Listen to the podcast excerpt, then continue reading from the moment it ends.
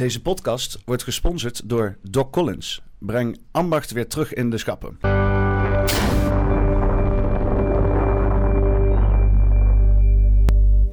Zo, daar zijn we dan. Uh, podcast nummer 134.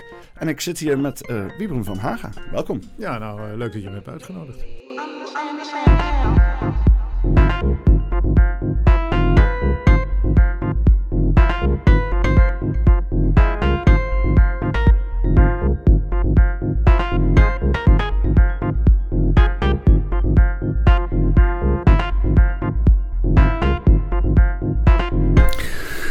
Uh, hartstikke. Het is natuurlijk ook de meest uh, toepasselijke methode om uh, eens een keer een goede, ja, toch wel een welbekende politici langs te krijgen. ik ben, ja. ben, niet de eerste. Nee, wie maar, nou, maar de gemeente. Gemeente oh, okay. Lea Manders hier van, van Centraal Arnhem.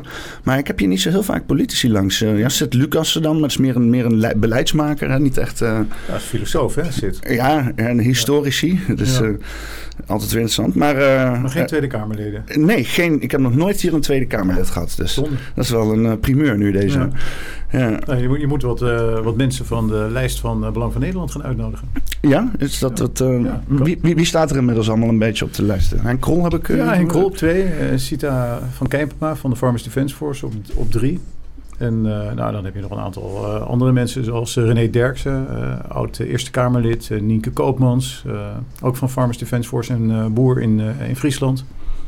Dus nee, we hebben een prachtige lijst. Oké. Okay. doe ik uh, elke maandag uh, met, uh, met Max van den Berg. Doen we ja. een, een, live dingetje, heet, noemen we Wat de Fakkel. En gaan we de, de, de campagnetijd gaan we een beetje proberen verslag te geven. Ja. Dus daar moeten we ook nog mensen voor, voor hebben die vertellen van joh, wat ze gaan doen in het campagnegebied en zo. Ja. Maar, maar waar doe je dat? Uh, ja, ook hier. Ook gewoon hier. Oh, Oké, okay, Max komt hier naartoe. Ja, ja, ja. die hangt dan een grote vlag erachterop met uh, stem ze weg. ja. ja. Het, het, sentiment hangt ook nog wel, en dat zie ik in mijn omgeving en ook wel uh, uh, van Max, dat, dat een beetje, beetje dat, dat moedeloze gevoel over de politiek. Alsof zeg maar er weinig winst te behalen valt in de Tweede Kamer. Hoe heb jij dat ervaren de afgelopen tijd? Nou, dat, dat, dat klopt natuurlijk helemaal. Uh, kijk, ik heb, ik heb ook twee periodes in de gemeenteraad in Haarlem gezeten.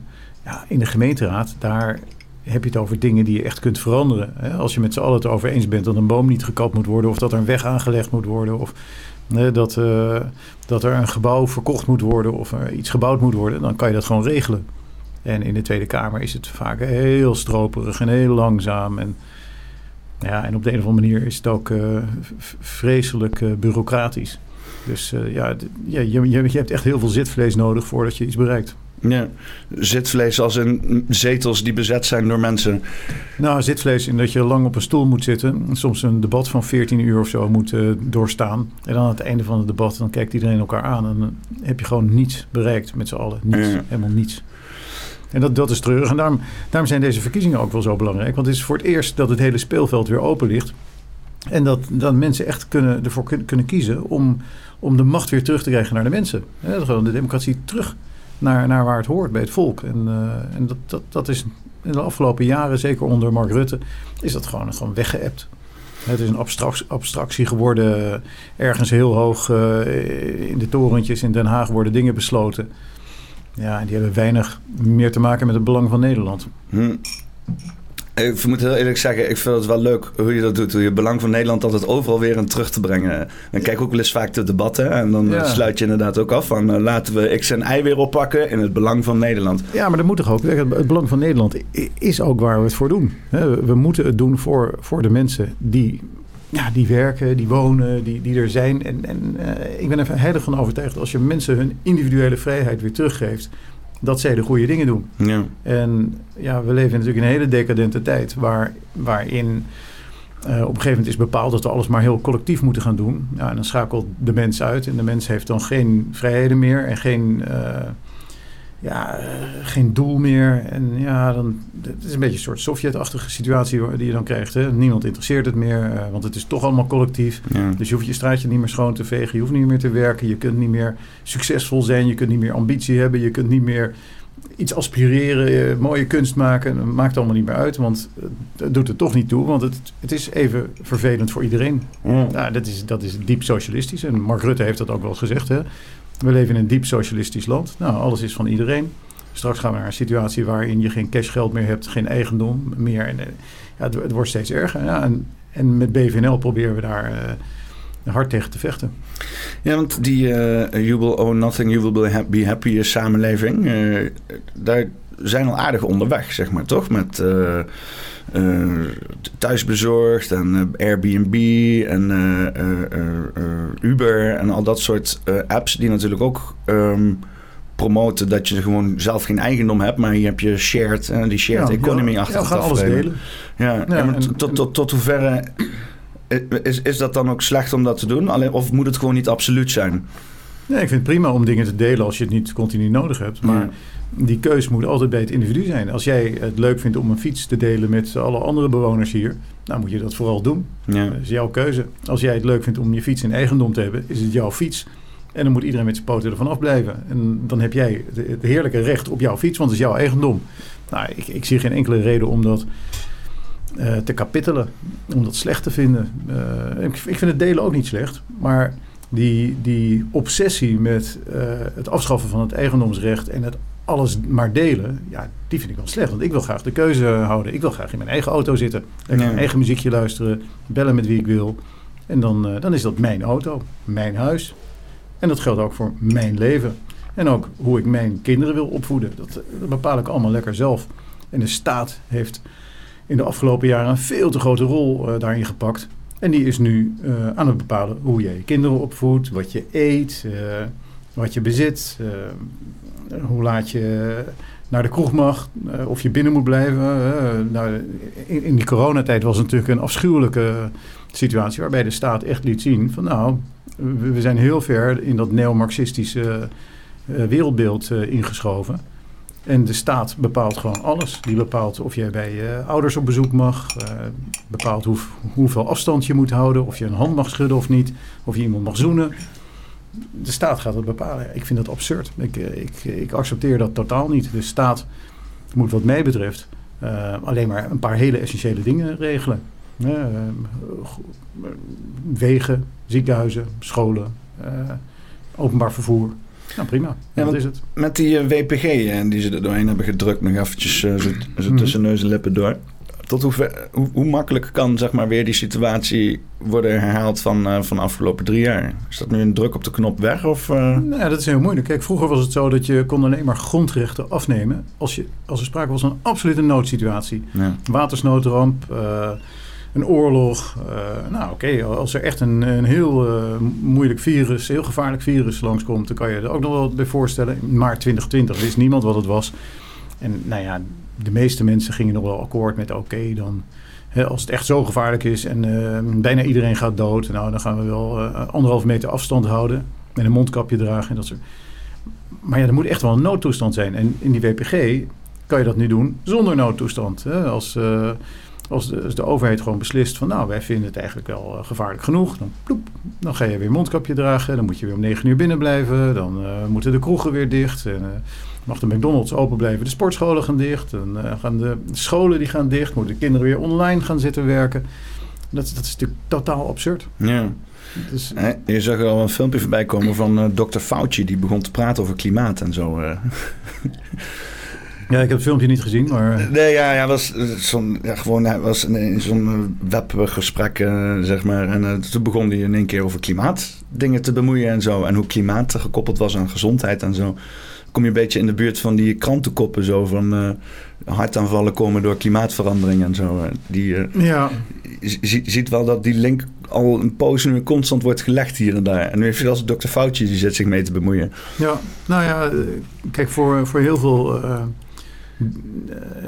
van, die, van die neo-Marxisten, van die mensen die alles collectief willen doen, is het heel belangrijk dat er een, een nieuw geloof is. Hm. Uh, en dat nieuwe geloof is dan nu het klimaat. Hè, een soort religieuze obsessie geworden. En we zijn allemaal uh, voor een goed milieu. Hè. We moeten goed op ons milieu passen. Want uh, je wil niet dat je allemaal kankerverwekkende stoffen gaat uitstoten. Je, je wil warmte besparen. Je wil niet te veel energie verbranden. Dat, iedereen is daarover eens. Hè? Ja. Maar het is natuurlijk heel handig als jij de samenleving wil beknotten en, en macht wil uitoefenen over een samenleving, dat je dan inderdaad die, die religieuze obsessie uh, implanteert. Dat iedereen denkt van hé, hey, we hebben een heel groot probleem, want als we nu niet uh, binnen een paar jaar uh, stoppen met ademen en stoppen met uitstoten van CO2, dan explodeert de aarde en die oververhit dan en dan gaat het allemaal mis. Weet je, zelfs toen met de zure regen gebeurde. Of, Hè, het gat in de ozonlaag. Er, er, is altijd wel wat.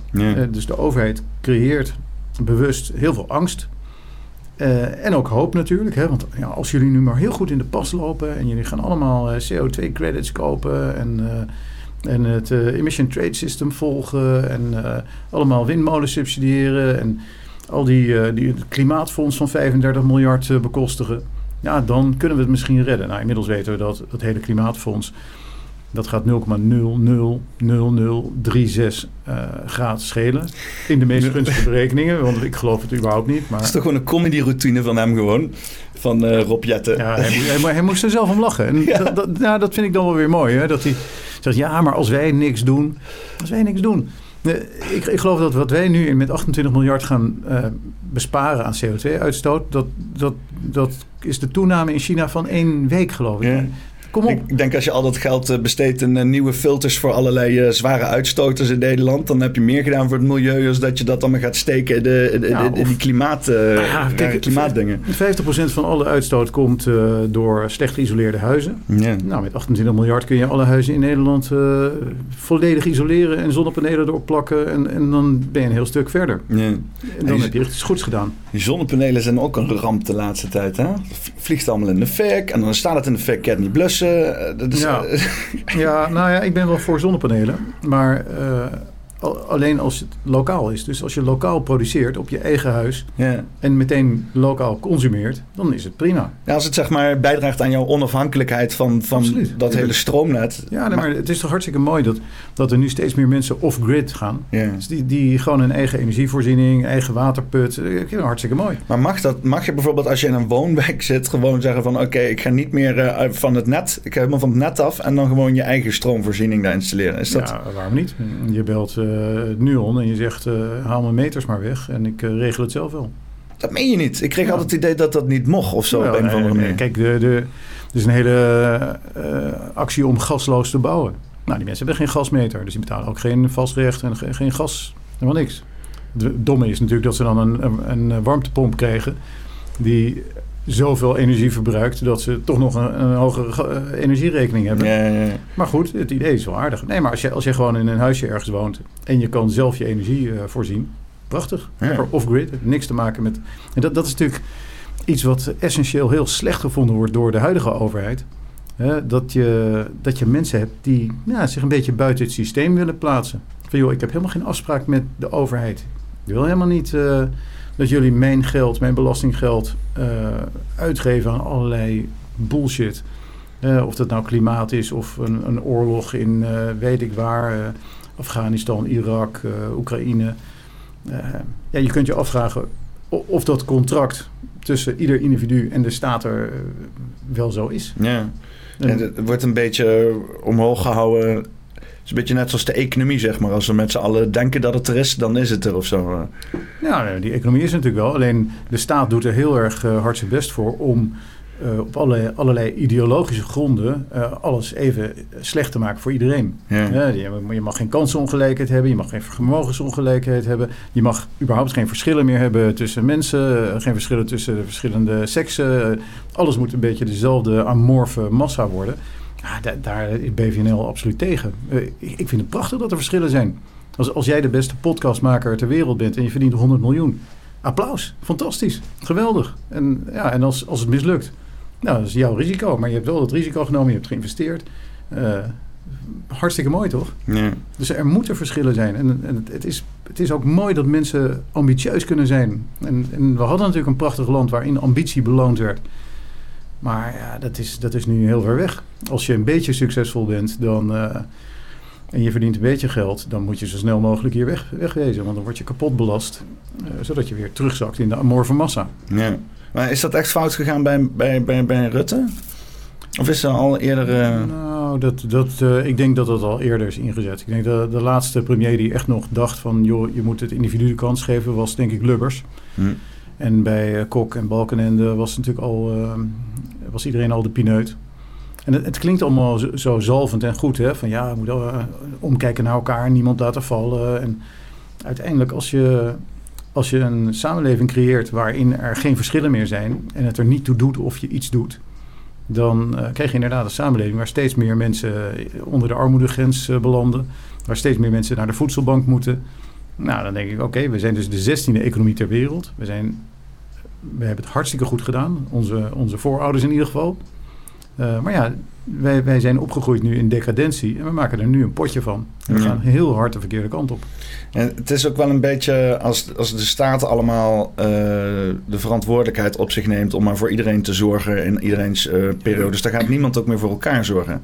Dus dat hele idee dat mensen dan zeggen van, het klinkt heel leuk, eh, van oké, ja, we moeten er voor iedereen zijn, iedereen moet geholpen worden en de staat moet het allemaal faciliteren. Maar het ontmoedigt juist iedereen om te zorgen voor elkaar. Want iedereen denkt, ja, de staat wel zorgen. Dan maar lekker in de goot liggen. We bellen wel de staat op voor ja. whatever. In plaats van dat je dat zegt van, dat je dat soort normen inderdaad hoog houdt. Dat je zegt, we moeten er zijn voor iedereen, maar de staat gaat het niet doen. Dus hup, zorg voor elkaar. En als je dan ook nog een keer de mensen niet zo grof belasten... dat ze inderdaad ook mensen kunnen helpen en zo. Volgens mij, dan, dan, dan, ja, dan neem die, laat je die verantwoordelijk mensen die eigen verantwoordelijkheid nemen. En dan is het ook, maar, maar, dan ben je ook echt iemand aan het helpen. Maar, maar, daar draait het natuurlijk helemaal. Hè. Dit is de essentie van het verhaal. Hè. Wij, wij zijn voor individuele vrijheid en die gaat gepaard met verantwoordelijkheid. Ja. En die verantwoordelijkheid, die neemt iedereen wel. Maar op het moment dat de staat gaat zeggen: nee hoor, jij mag dat niet meer doen, wij regelen alles. Dan neemt niemand zijn verantwoordelijkheid meer. En dan ben je ook je vrijheid kwijt. Dus dan gaat alles gaat, gaat gewoon, gewoon kapot. En dan, dan krijg je een soort, inderdaad, een soort abstract systeem. Waarbij je weer uh, ja, nou ja, een beetje zoals de Sovjet-Unie of uh, Noord-Korea of uh, het oude China of Venezuela is natuurlijk ook diep socialistisch geworden. Waarbij, ja. waarbij alles kapot gaat. En, en, en als de, ja, als je als mens niet meer mag beslissen over je eigen leven, ja, dan, uh, ja, dan ben, je, ben, je, ook niet meer gemotiveerd. En we hebben allerlei kleine dingetjes ingebouwd nu in ons systeem, waardoor dat zo is. We hebben bijvoorbeeld een armoedeval in Nederland. Nou, het is het enige land ter wereld dat een armoedeval heeft. Wat, wat een armoedeval? Nou, dat wil zeggen dat er eh, meer dan een miljoen mensen uh, op de bank zitten thuis. Die doen niks. Die zitten te Netflixen. En uh, die krijgen een hoeveel, bepaalde hoeveelheid geld. Hè, een uitkering, een huursubsidie, uh, zorgtoeslag, uh, de hele bende. En als zij ehm, gaan werken, bijvoorbeeld als postbode, een laagbetaalde baan, een nobel beroep, dan krijg je een paar honderd euro per maand minder hè, in je portemonnee. Ja, ja, ja. Dan ga je dus niet meer werken. Dus er, er, er moet een, een motivatie zijn voor ieder mens om dingen te doen die, die, die, die leuk vindt, om ambitieus te zijn, om, om, om geld te verdienen, om, zodat je meer dingen kan doen, zodat je je vrijheid kan, uh, kan krijgen. En dat is nu niet zo. Mensen worden gewoon gevangen gehouden doordat de staat heeft besloten, ja, je, je, je, krijgt meer als je gewoon op de bank thuis blijft zitten. En dat geldt ook voor de, voor de deeltijdmalers. Er is een soort optimum bij ongeveer 24 uur per week. En als je meer gaat werken, hou je nauwelijks iets over. Nee. Nou, dat is echt belachelijk. We hebben grote problemen in de, in de zorg. Uh, als, als iedereen die in de zorg werkt één uur meer zou gaan werken, dan heb je het hele personeelstekort opgelost. Maar dat doet niemand, omdat je nauwelijks iets overhoudt. En zeg, ja, als de afweging is tussen een paar uur meer werken uh, voor bijna niks, of gewoon meer vrije tijd hebben, ja, natuurlijk kiezen mensen daar dan voor. Ja. Terwijl als je zou zeggen, um, goh, als jij overwerkt of meer werkt, dan betaal je daarover geen belasting meer dan denk ik dat heel veel mensen zouden zeggen: Nou, dan pak ik die zaterdag of zondag nog even mee. En dan, dan krijg ik daar extra veel uh, geld voor. Ja. Maar dat, dat, dat, dat, zeg maar, dus dit soort dingen er zijn, dat, dat is inderdaad een hele poos zo. Ik loop daar zelf ook al mijn hele leven tegenaan. Dat ik aan het, aan het afwegen ben tussen dingen van. van, van, van uh, uh, of, of je werk je kapot, of je werkt de helft minder en dan krijg, je, krijg je een heel klein beetje minder geld, maar ja. dan. Um, maar als je je kapot werkt, dan moet je toch gewoon heel veel uh, rendement daarop maken. Ja, ja dat, ik heb uh, altijd al heel veel gewerkt. Ik werk sinds mijn dertiende naast mijn studie. En uh, daarnaast uh, na de studie meteen fulltime gaan werken. Ik loop altijd met geld te struggelen. En niet omdat ik zoveel uitgeef, maar het is altijd allemaal duur als je zelfstandig wil wonen. Als je zelfstandig... Dus je bent altijd... Mensen zeggen dan, dan spaar je. Nou, wat heb je over aan het eind van de maand? Een paar honderd euro. Nou, dan heb je een paar maanden, drie, vier maanden... heb je dan eindelijk gespaard. Heb je een paar duizend euro, gaat er iets stuk. Dag duizend euro. Ja. En zo gaat het dan de hele tijd door. Maar wat vind jij dan met de hoeveelheid belasting die je betaalt... en wat daar dan concreet mee gebeurt door onze overheid. ja, crimineel. crimineel. Ja, dat is toch verschrikkelijk? Het is, uh, ik, ik, roep altijd, want als je het allemaal bij elkaar opgooit... dan kom je op iets van, wat is het, anderhalf miljard per dag... dat ze binnen harken aan belastinggeld hier in Nederland. Uh, ja, uh, dus dat is een derde, nu ook, hè, inderdaad. Uh, een derde van mijn, uh, van mijn, van mijn loonbelasting wordt mm -hmm. ingehouden. Ja. Ehm, dan betalen, betaal ik, betalen we dan, zeg maar, ik doe even nu als gezin. Ik ben nu best wel synchroon met mijn ouders aan het, die moeten, worden wat ouder en zo. Dus dan mm -hmm. gaat alles samen. huis van mijn vader, daar betalen we belasting over. Nou, heb ik huurders ingezet, betalen we nog een keer belasting over. Hun betalen nog een keer woonbelasting. Dus dat ja. we twee keer belast. Dat, is al, dat vind ik al echt En dan betaal je box 3, hè? Ja, dat komt er dan ook nog aan. Uh, uh, nou ja, hier uh, gemeentebelasting, rioolheffing, ja, je wordt, je wordt, helemaal doodgegooid. Dan elke uitgave die je doet, wordt ook nog eens een keer belast met BTW. je bent alleen maar aan het, aan het bijdragen. Nou als je het allemaal bij elkaar optaalt, dan zeg ik anderhalf miljard per dag. Als je dan soms gemierenneuk hoort in de Tweede Kamer over bedragen. Oh ja, hier een paar ton dit, een paar ton dat, oh, een miljoentje hier. maar ja, dat is vijf, vijf miljoen dit. Ja, dat gaan we allemaal niet doen. Denk ik, één dag, anderhalf miljard. Dat is een fractaal bedrag van...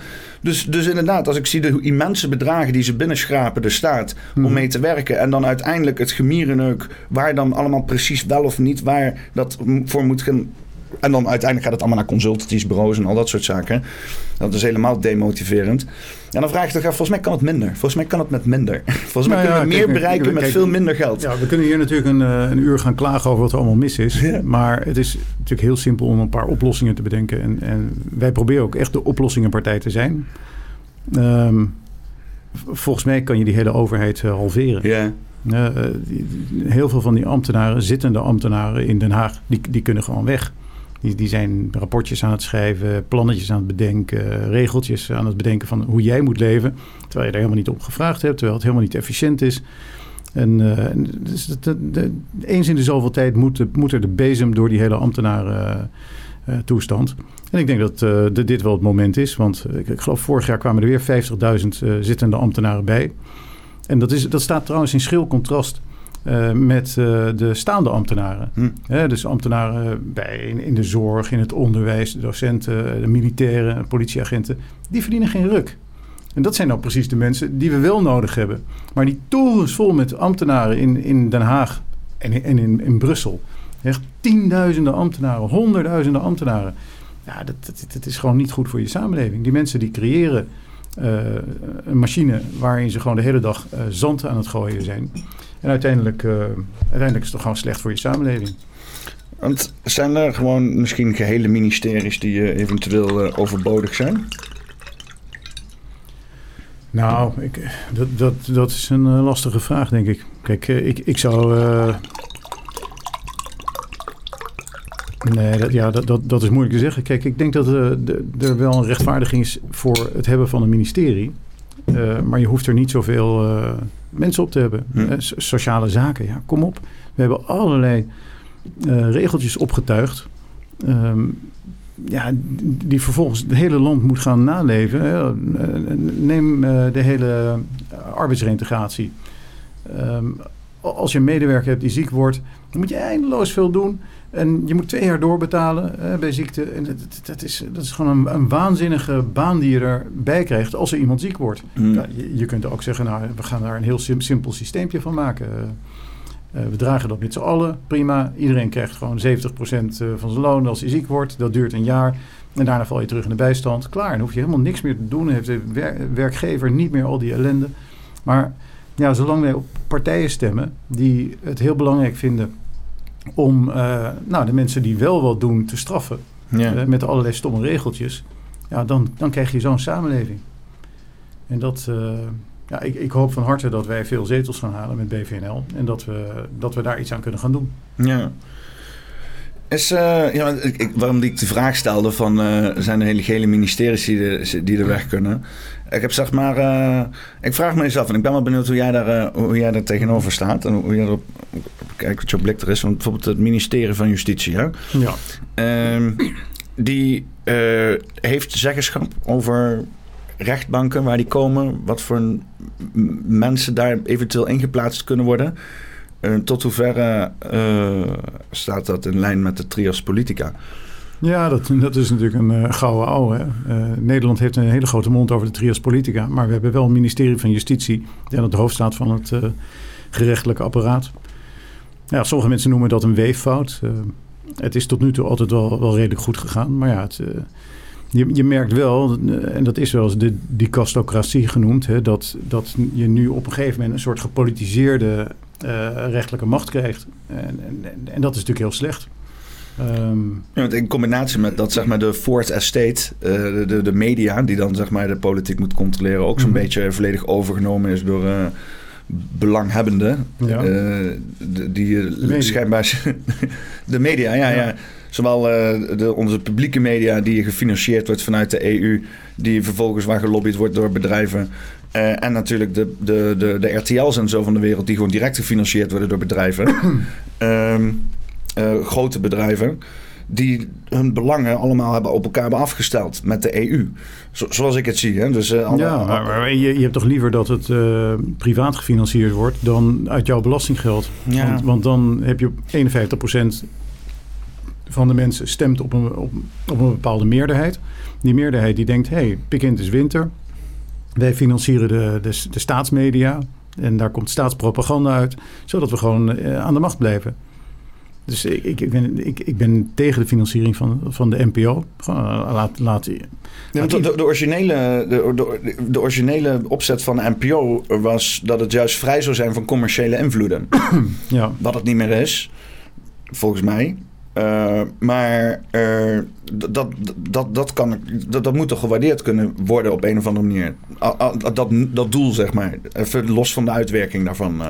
Ja, maar net als bij al die andere dingen die we bespraken. De overheid moet zo klein mogelijk zijn. En moet een aantal minimale zaken regelen. want anders, anders krijg je een soort anarchie of een soort nachtwakerstaat. Eh, maar die minimale dingen, daar kun je bij afvragen. Hoort daarbij dat uh, de overheid moet gaan verzorgen dat wij uh, één kanaal televisie kunnen kijken? Het interesseert me echt helemaal niks.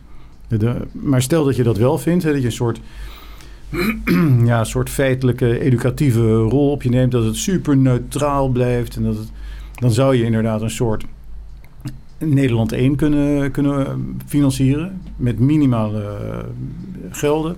Maar dan mag daar op geen enkele manier politiek bedreven worden. Nou, nu als je het NOS-journaal kijkt, ik kijk het nog wel af en toe om gewoon heel hard te kunnen lachen.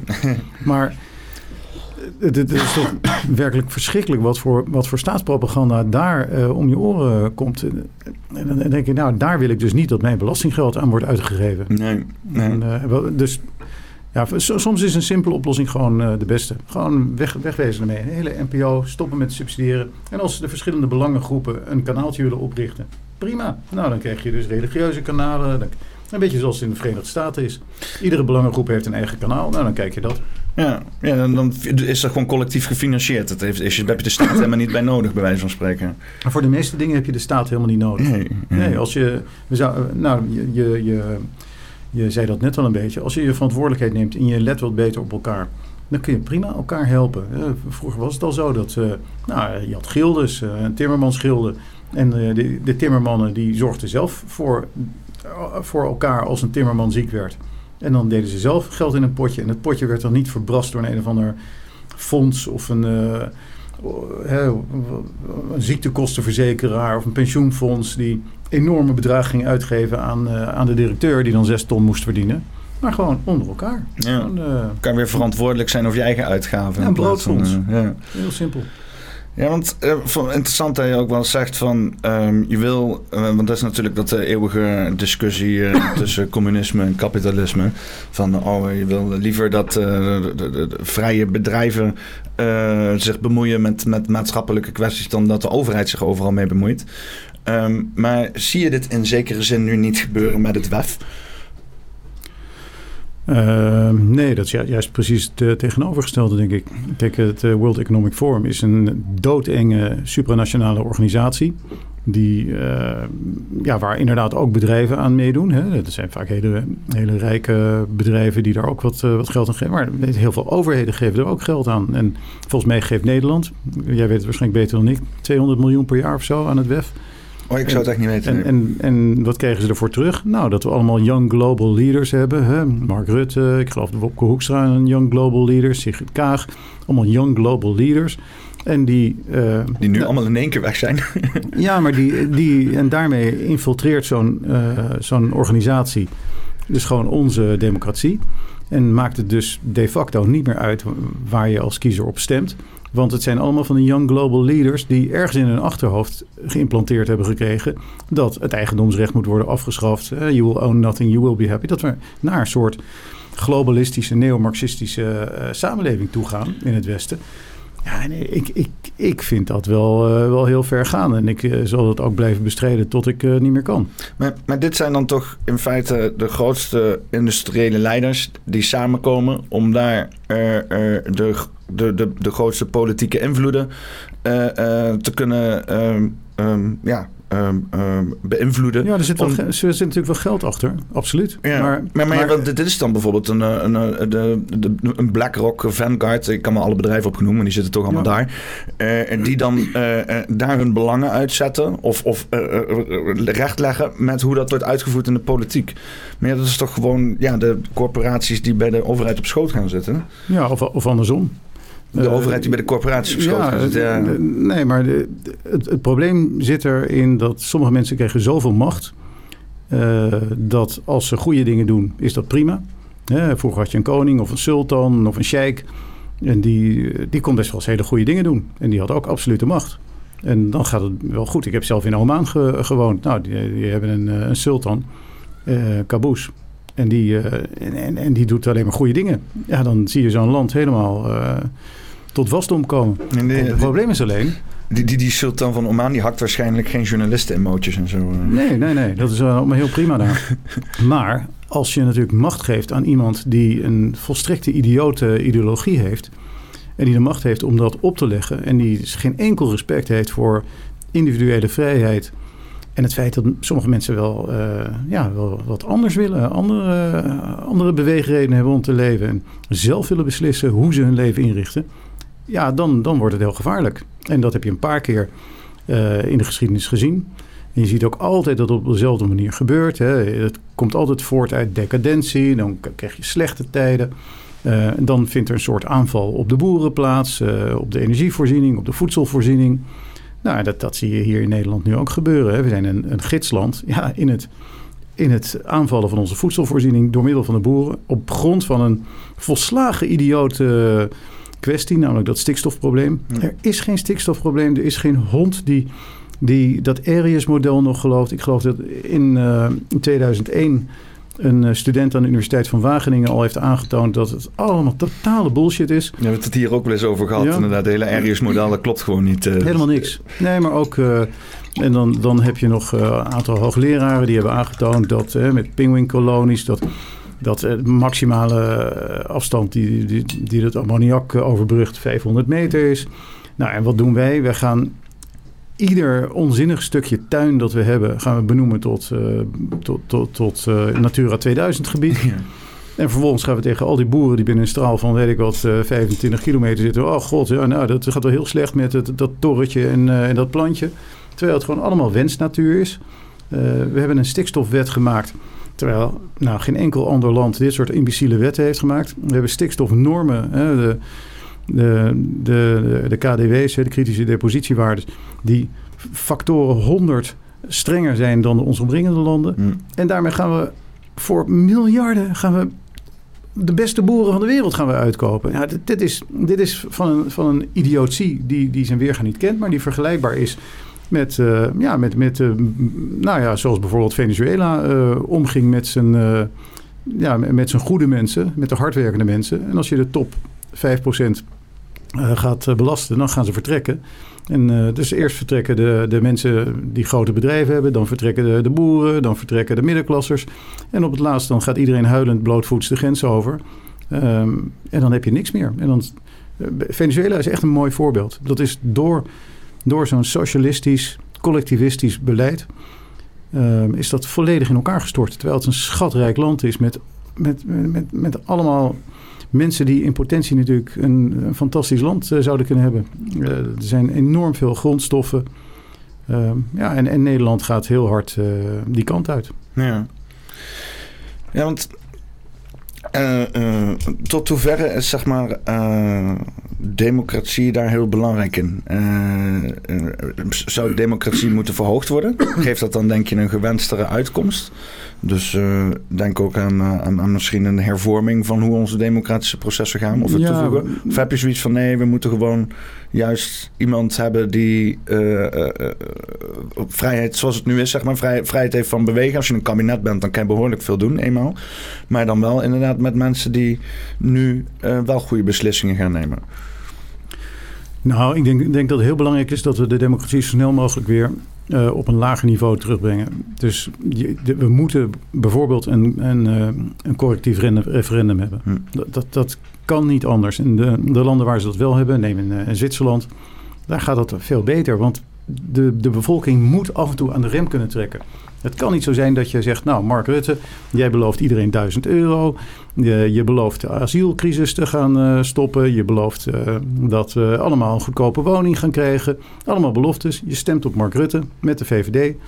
En vervolgens uh, zegt hij van, ja, dank je de koekoek. Ik ga toch bijvoorbeeld met Diederik Samson van de Partij van de Arbeid... ga ik toch weer samen een regering vormen. En al die beloftes, die gaan even niet meer door.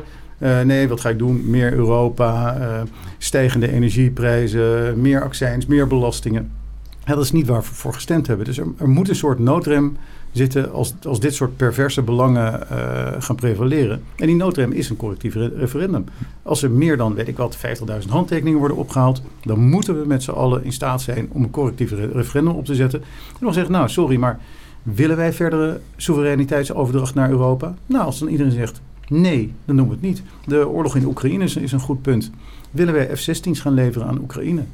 Nou, uh, ik heb nooit mandaat gegeven via mijn stem voor dit soort grensoverschrijdende, uh, zeer riskante beslissingen. Het, ja. het, kan zijn dat we gewoon in een, in een, volledige oorlog worden getrokken. En, en dat we straks, ja, straks het risico lopen om allemaal dood te gaan. En dat Mark Rutte denkt van ja, maar ik had toen, uh, weet ik wat, 34 zetels. Nou, uh, net, net 20% van, uh, van de 150 zetels. En met mijn linkse companen vind ik het wel prima om die beslissing te nemen. Dat, dat gaat me veel te ver. Dus die noodrem die moeten we proberen terug te krijgen. Ja, want gebeurt het in andere landen ook zo? Dat wij zo want ik zie ook overal op allerlei andere platformen... en niet, gewoon niet-Nederlandse platformen... zie ik allemaal uh, hoe noem je dat nou? Gebooste mensen die... Uh, allemaal lopen te, ja, te deugen met, uh, met het feit van... oh, kijk, kijk Nederland, ons hier Oekraïne helpen en al dat soort dingen. Uh, is, is Nederland zo prominent ten opzichte van andere landen... in het helpen van Oekraïne en helemaal het uiten daarvan? Nou, in, in het begin liepen wij achter. Hè? Toen deden we niks. ik vond dat eigenlijk wel, wel goed. Gewoon diplomatieke acties. wel, wel de inval door Rusland veroordelen. Want uiteindelijk ja, vind ik ook dat ieder land recht heeft op zijn eigen soevereiniteit. Mm. Um, maar nu lopen we voorop. Ja, wij, wij zijn nu handje de voorste met het leveren van meer wapens. Uh, en, en begon al met de absolute stupide actie van Kajsa Ollengren. Die ja, wel, weliswaar minister van Defensie is, maar het verschil tussen een handgranaat en een, uh, en een, en een uh, ananas niet weet. Um, maar de, Jonkvrouw Keizer Ollingren. Waarschijnlijk ja, nooit iets in het leger gedaan, denk ik. Nee, ze wist het verschil tussen een, tussen een generaal en een major niet. en, nee, maar dat is best wel heel terug. Maar die gaat dan wel 200 stingers leveren. Uh, en dat zet ze dan op Insta. En met, met een spierbal-emoticon erbij. Denk je, als, als dit het niveau is waarop onze leiders met dit soort ongelooflijke gecompliceerde beslissingen omgaan, nou, dan, dan loop je grote risico's. En dat lopen wij nu ook. En kijk, kijk nog even over die soevereiniteit. Ik denk dat de soevereiniteit van Oekraïne prima is.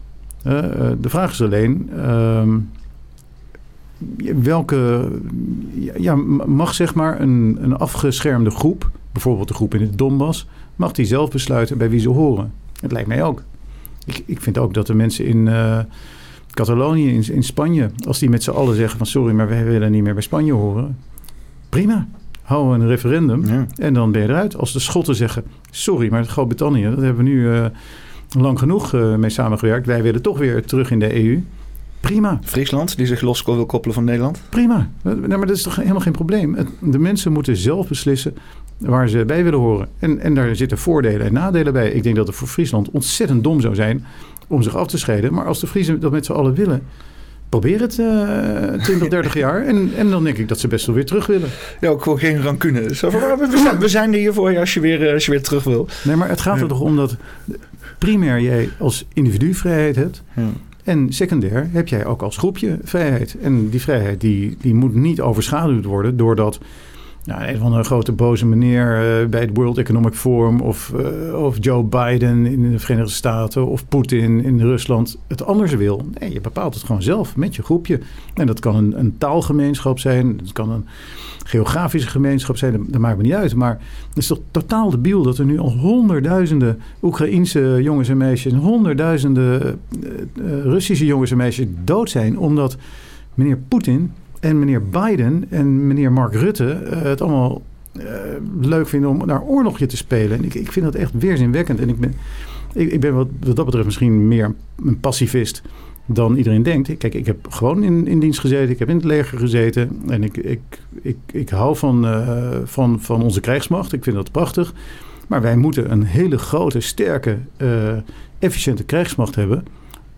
Om ervoor te zorgen dat we nooit in oorlog komen. En nu lijkt het opeens dat onze leiders vanuit hun torentje in Den Haag het heel erg leuk vinden om oorlogje te spelen. En dat is een totaal ander iets. En de basisvraag die je zelf altijd moet stellen is: ben jij zelf bereid om te sterven voor dat conflict? Of nog beter, als je kinderen hebt. Ik weet niet, heb jij kinderen? Ik heb geen kinderen. Nee, nou, oké. Ik vraag meestal: ben jij bereid jouw eigen zoon of dochter op te offeren voor dat conflict daar?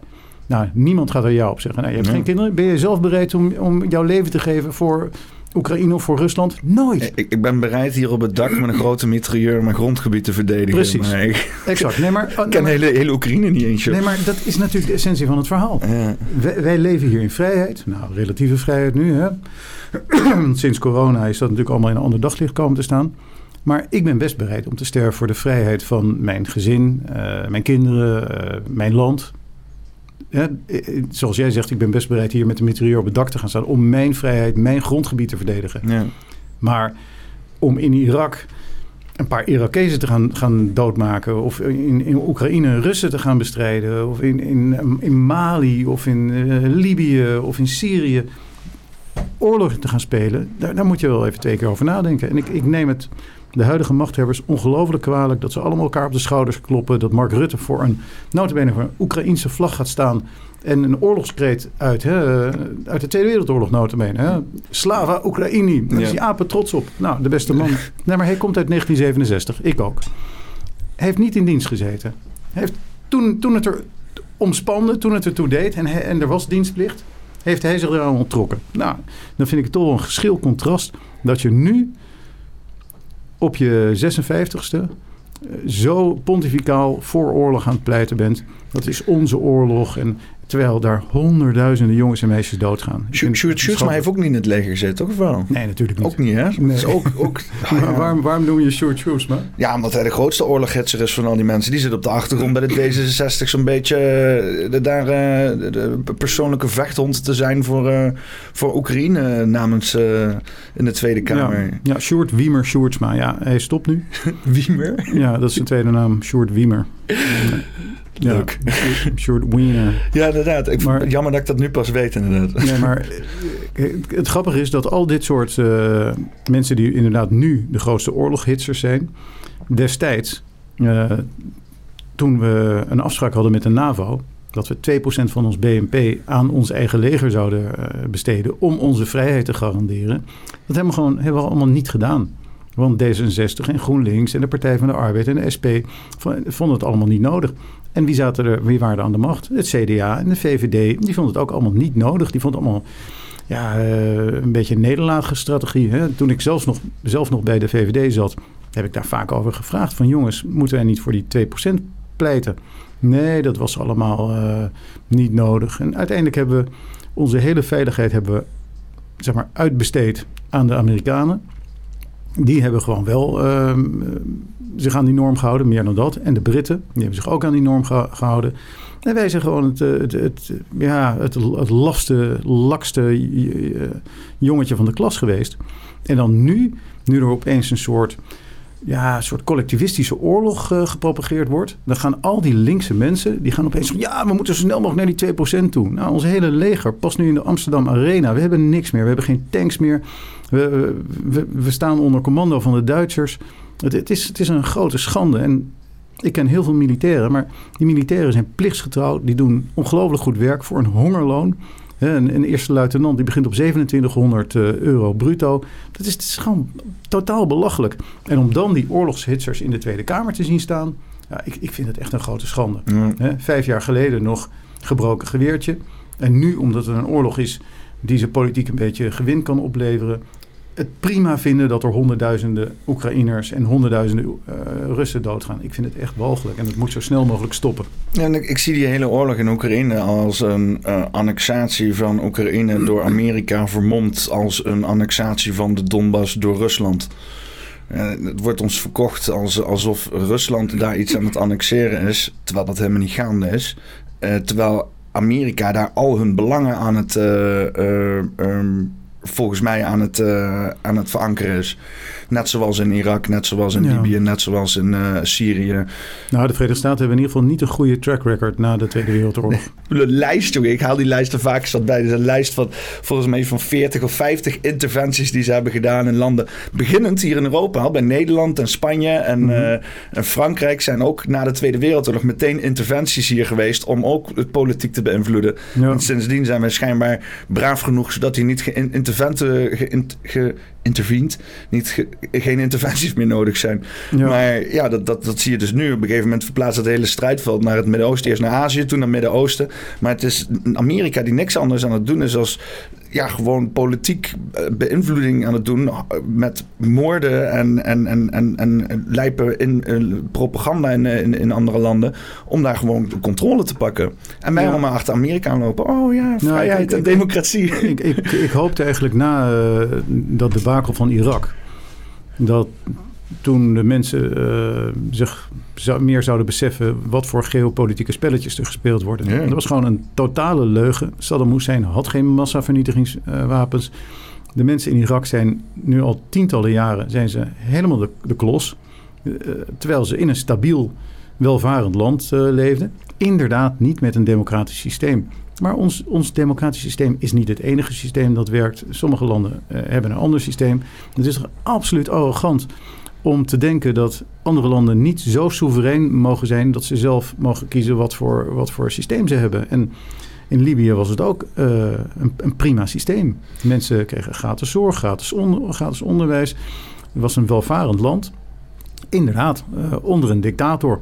Maar dat was een heel stuk beter dan wat het nu is. Dus maar het is sowieso geen reden om uh, iets te doen onder een dictator. Want uh, er wordt zoveel gehandeld met dictators. Ook vanuit Nederland, ook vanuit Amerika. In Azië, in Saudi-Arabië, uh, in Zuid-Amerika. Er, er, worden, sterker ja. nog, er worden wel eens dictators gewoon geïnstalleerd. Zo van hier, het gaat Amerika erom wat voor belangen desbetreffende wat voor bestuursvorm ze ook hebben heeft. En als dat niet zo is, dan gaat er weer een nieuw in. Ja. Maar ja, dat hele dictator-ding, dat wordt wel, is in Libië ook, uh, of in Libanon ook uh, gigantisch gebruikt. Oh, kwaadaardige gebruiker Gaddafi. Uh, ja, Libië, ja. ja. ja, Libië inderdaad. Kwaadaardige dictator Gaddafi. En iedereen meteen, oh ja, ja, ja, dan, dan moeten we daar iets aan doen. Dus in zekere zin zijn we ook helemaal nou, het is ook een gehersenspoeld over wat het precies uitmaakt om goed bestuur ja. te hebben of zo. Nee, maar het is ook ontzettend cynisch, want we wilden ons niet afhankelijk maken van uh, duistere regimes. Nou, vervolgens uh, gaan we wel massaal gas importeren uit uh, Rusland. Ja. nou, Rusland was helemaal stabiel. Um, Vervolgens gaat Poetin Oekraïne binnenvallen. Nou, en dan stoppen we met, die, met het gas. En waar rennen we naartoe? Naar Saudi-Arabië. En gaan we daar weer extra mee handelen. Terwijl dat net zo'n dictatoriaal regime is. En waar ook mensenrechten op, op grote schaal worden geschonden. Dus het is, het is allemaal zo, uh, zo hypocriet. Je, ziet het in Afghanistan zit goed. Hè? Dus hebben daar, uh, wat, hoe lang, 15 jaar of 10 jaar lang hebben ze oorlog lopen voeren om naar democratie te brengen. En toen kwam Al-Qaeda kwam even bij Trump op bezoek. Hebben ze daar in het Witte Huis hebben ze afspraken gehad. Nou, toen ging Trump weg, kwam Biden. Biden die heeft gewoon meteen iedereen uit Afghanistan prompt weggehaald. Taliban die neemt over. Dus datgene waar ze zogenaamd tegen aan het strijden zijn. Maar ik kan donder op tegen zeggen dat de belangen van Amerika gewoon bevestigd zijn. Die dan de Taliban behartigt. En dan voor de rest mogen ze het uitzoeken. Weer geen rechten voor vrouwen. Weer geen vrijheid. Uh, weer een, een, een, hoe noem dat? Een, een, een, zo'n islamstaat. Uh, ja. Um, um, dat is wat Amerika... Amerika maakt het helemaal niet uit wat voor een regeringsvorm je hebt. Al, al martel de hele dag mensen, zolang we maar gewoon uh, papavervelden mogen, mogen kweken of olievelden mogen opboren. Ja, maar ik, ik ben ook niet anti-Amerika. Ik vind alleen dat uh, landen moeten zelf bepalen uh, hoe ze zich gedragen, of wat ze doen. Het is allemaal interne politiek, interne soevereiniteit. En daarom vind ik het ook zo jammer dat wij onze soevereiniteit aan het weggeven zijn. Hmm. En ons afhankelijk maken op, op alle gebieden van andere landen. En ja, we kunnen wel denken dat we één grote Europese familie zijn. Nou, als puntje bij paaltje komt, zorgt iedereen gewoon alleen voor zichzelf. Dus wij moeten zorgen voor onze eigen energie, onze eigen, onze eigen water, onze eigen voedselproductie, onze eigen woningen, onze eigen medicijnproductie. En dat niet allemaal outsourcen naar China of de Verenigde Staten. Want op een gegeven moment, nou, we zagen het in de coronatijd. We konden helemaal niks krijgen. De Fransen die wilden uh, beschermingsmiddelen. En uh, nou, dat was allemaal voor hun dan. En we moesten enorm gaan, ja, gaan dealen om toch nog wat te pakken te krijgen. Of het nou nodig was of niet, dat maakt niet uit. Maar die hulp van andere, andere landen kregen we gewoon niet. Ja. En, dus dus je, moet, je moet het voor je eigen land moet je het goed regelen. Nou, dat kunnen we. En we doen het niet. En dat, dat neem ik de, de kabinetten Rutte ontzettend kwalijk. Een van de grootste voorbeelden is de energievoorziening. Wij waren energiesoeverein.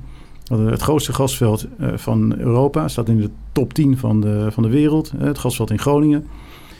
En de stupiditeit dat we dat hebben dichtgedaan is, is onvoorstelbaar. De, de zwaarste aardbeving is 3,6 op de schaal van Richter. Nou, dat is, staat gelijk aan een voor, voorbijrijdende bus. Uh, Groningers zitten met scheuren in hun huizen. Die zijn niet gecompenseerd. Uh, we hebben huizen nauwelijks verstevigd. Terwijl je technisch gewoon veilig kunt produceren uit het gasveld in Groningen. Maar dan moet je wel de druk in het veld op peil houden. Dus dan moet je, als je er iets uithaalt, moet je er ook iets in stoppen. Bijvoorbeeld water of stikstof. En dat kan prima. Dat hebben we allemaal niet gedaan. We hebben tot 53 miljard kub per jaar geproduceerd. Hebben we allemaal verkwanseld, verjubeld aan, al, aan de hele, hele verzorgingsstaat. En, en, ja, en nu zijn we gestopt. Ja. En nu zijn we afhankelijk van het buitenland. En het, het kost 5 cent per, per kuub om te produceren uit Groningen. En nu betalen we 1 euro per kuub voor LNG uh, uit, uit de Verenigde Staten. Wat voor LNG? Het is gewoon schaliegas, waar we allemaal zo tegen waren. Ja, ja het is een totale onzin. Maar en wordt ook nog hierheen vervoerd met, qua schip. Eh, eh, Absoluut. Ja, ja dus als dat, is, dat ze ook nog. Dat is ook nog heb je wel eens Beerput Nederland gezien, die documentaire? Nee, Oh, dan gaan ze over op wat er in de stookolie zit van schepen. Hmm. En dat daar een percentage van 14% of zo mag gewoon rommel zijn. Maakt niet uit. Maar echt letterlijk wat jij wil. Je schoonmoeder, afval, gooi er maar in. Hmm. Het gaat toch wel aan. Uh, wat erin is gevonden is zelfs nucleair afval. Serieus? Gooi ze gewoon in de schepen uh, bij Rotterdam. Uh, iedereen die komt hier langs om te tanken. Nou, kan je meteen van je meuk af. Uh, lekker tanken. En stuur me internationale water op. Staat niet bij ons op de rekening. Ja. Stookolie. dat, is, dat is ook echt nog een, een rabbit hole. En dan gebruiken ze dus dat om dus hier onder het mom van betere klimaat hier olie heen te halen. Ja. In ieder geval die mensen die dan voor een beter klimaat staan, die, die beslissen ja, dan Nou, wat ik dan zo, zo vreemd vind, is dat al die mensen die ehm, die dan toch zo graag dat gasveld in Groningen willen sluiten, terwijl het gewoon een schone brandstof is, uh, ook nog tegen uh, kernenergie zijn. Ja, want hoe is thoriumreactor of gewoon normaal? Nou ja, kijk, de thorium is nog niet helemaal uitontwikkeld, maar kern, kerncentrales die zijn er. We kunnen prima in Borselen een aantal kerncentrales erbij zetten. Dat kan. Je kan andere plekken in, in Nederland ook. Maar ja, we, we doen al decennia helemaal niets Storium nog niet, maar is, is Nederland ook niet een mooie plaats om juist thorium door te ontwikkelen? Dat ding in pet te staan. En uh, we hebben hier allemaal uh, uh, thorium hier op, op de Waddeneiland liggen. Kunnen we daar, kunnen we daar opgraven? Nou, vol, volgens mij is de te techniek nog niet zo ver dat het kan. Maar... Want in, in, India en China zijn ze er al mee bezig. Ja. ja. ja. Oké, ze zijn ook met kernfusie bezig. Uh, hoor je ja, de hele tijd de hoopgevende Over 30 jaar, over 30 ja. jaar. nee, maar gewoon een kerncentrale. De, de, kerncent de, de energieprijs van de, hè, per kilowattuur van wat er nu uh, uit borstelen komt, is gewoon hartstikke laag. Ik geloof 3,5 cent of zo, of 4 cent per, uh, per kilowattuur. Nou, als we, als we daar de geplande zes kerncentrales hadden neergezet, dan waren we nu uh, een stuk dichter bij energiesoevereiniteit geweest. Dan hadden we hele goedkope energie gehad. En ik vind ook dat het de taak is van de overheid om ervoor te zorgen dat wij stabiele, goedkope energie hebben. Hm. Zodat onze bedrijven en onze mensen gewoon uh, vrolijk kunnen leven. Maar ja, we doen niets van dat alles. In plaats daarvan zijn we nu 30.000 windmolens op de Noordzee aan het zetten. We zijn biomassa-centrales aan het subsidiëren. Nou, dan hoor ik nog Erik Wiebes uitleggen dat het heel goed is om een biomassa-centrale te hebben. Ja, want als je in een woestijn een boom laat uh, groeien, dan had je daarvoor geen boom en heb je dan een boom en die kan je verbranden. Maar uiteindelijk is het ontzettend slecht voor het milieu. Ja. Is het ontzettend duur. En ze zitten te zeuren over CO2-uitstoot. Dan heb je daar een mooie CO2-opslag. Ga die CO2 weer vrijzetten in de lucht. Exact. Ja, ja en, en dan ook nog iets. Uh, die bomen die komen niet uit de woestijn. Die bomen die komen gewoon uit het Amazonegebied. Er worden gigantische vierkante kilometers met bos gekapt. Die worden lekker versnipperd. En gaat als resthout met diezelfde boter waar je het net over had. Ja. Hier naartoe. Om hier te mogen worden verbrand in, in de biomassacentrales. Ja. Nou, dan zijn, zijn, we toch de, het paard achter de wagen aan het spannen. Het is echt pure waanzin. Hoe ze dat, het, is bijna, het is bijna knap hoe ze dat verkocht, verkocht krijgen als milieuvriendelijk. Nou, het mooie is dat als het helemaal uit de hand loopt op een gegeven moment dan is er gelukkig wel een een of andere linkse partij, zoals Greenpeace of zo, die zegt: hm, we hebben er nog eens een keer naar gekeken, of Milieudefensie. En wat we de afgelopen twintig jaar uh, hebben bereikt door te gaan demonstreren en uh, te gaan procederen, dat blijkt toch heel erg slecht te zijn. En nou, dan stopt het weer. Dat zeg je nou wel. Maar je hebt bijvoorbeeld uh, de afgelopen 30 jaar veel Greenpeace-activisten gehad die Save the Whale acties houden en ja. aan, aan, Japanse boten hangen. Mm -hmm. En zelfs bij de Faroe-eilanden daarboven. Een van die halve vikingen, Keltische vikingen op zo'n eiland zetten. En die willen zo nu en dan nog wel eens, als er een walvis in de baai komt, een grote dorpse slagpartij houden. Ziet er gruwelijk uit, hey, maar die hele walvis wordt opgegeten. En wordt van alles van gemaakt. Dus ja. eigenlijk is het heel mooi. Ja. Hè, als je even een beetje door, de, door, die, door je menselijke falen heen kijkt.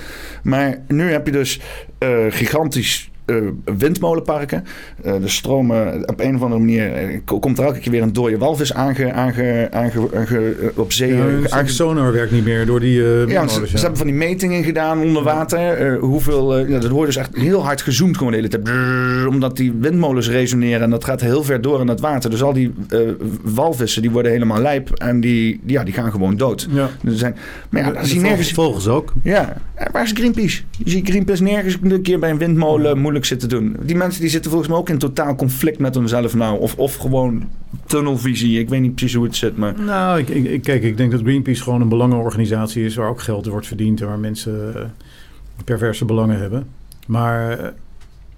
Uh, ja, Veel geïnvesteerd in klimaatdoelen uh, en zo. Nou ja, die hele klimaatreligie die komt er natuurlijk uh, heel erg goed uit. Hetzelfde als Extinction Rebellion. Allemaal van, van die mafklappers die zich vastplakken aan het uh, asfalt. En denken dat ze iets goeds aan het doen zijn. Maar er zit natuurlijk wel een, een bepaalde ideologie achter. En dan kom je weer terug bij het collectivisme. Hè, dat iedereen het even slecht moet hebben. En er geen verschillen meer mogen zijn. En mannen en vrouwen hetzelfde moeten zijn. En ja, ik, ik denk dat we ehm, als je er een beetje boven gaat staan, dat je je meer je beter kunt concentreren op die grote beweging van het collectivisme. Hmm. Dan dat Greenpeace nu, uh, weet ik wel, op de Faroe-eilanden iets. Uh, yeah. Het is allemaal, allemaal afleiding, denk ik. Ik denk dat het. Uh, ik, ik, denk dat onze individuele vrijheid, dat die gevaar loopt. En ik denk dat we dat moeten bevechten. En het moment dat we alles terug, terugvoeren naar, oké, we doen. Hey, de basis is jou, jouw grondrechten. Nou, die zijn allemaal heel mooi opgeschreven. Um, en die moeten we uh, bevechten. En het moment dat die in gedrang komen, moeten we heel goed gaan kijken waarom komen die in, gedrang. En dat kan niet vanwege een klimaatreligie zijn dat we allemaal. Kan niet vanwege een soort genderdysmorfie, uh, uh, idiotie zijn. Dat, je, je, moet terug naar de kern. En die kern is jij bent een mens, je komt op aarde, je wordt geboren en jij bent gewoon vrij. Ja. Jij bepaalt zelf hoe jouw leven eruit ziet. En dat is de essentie van het verhaal. En dat is door allerlei mensen, door, eh, is dat overal opgeschreven in, in grondwetten. Ja. En die worden dus nu met de voeten getreden. En dat, dat is heel begrijpelijk, want als jij een communist bent, of een marxist, of een collectivist, dan interesseert ja, die grondrechten van een individu helemaal niet.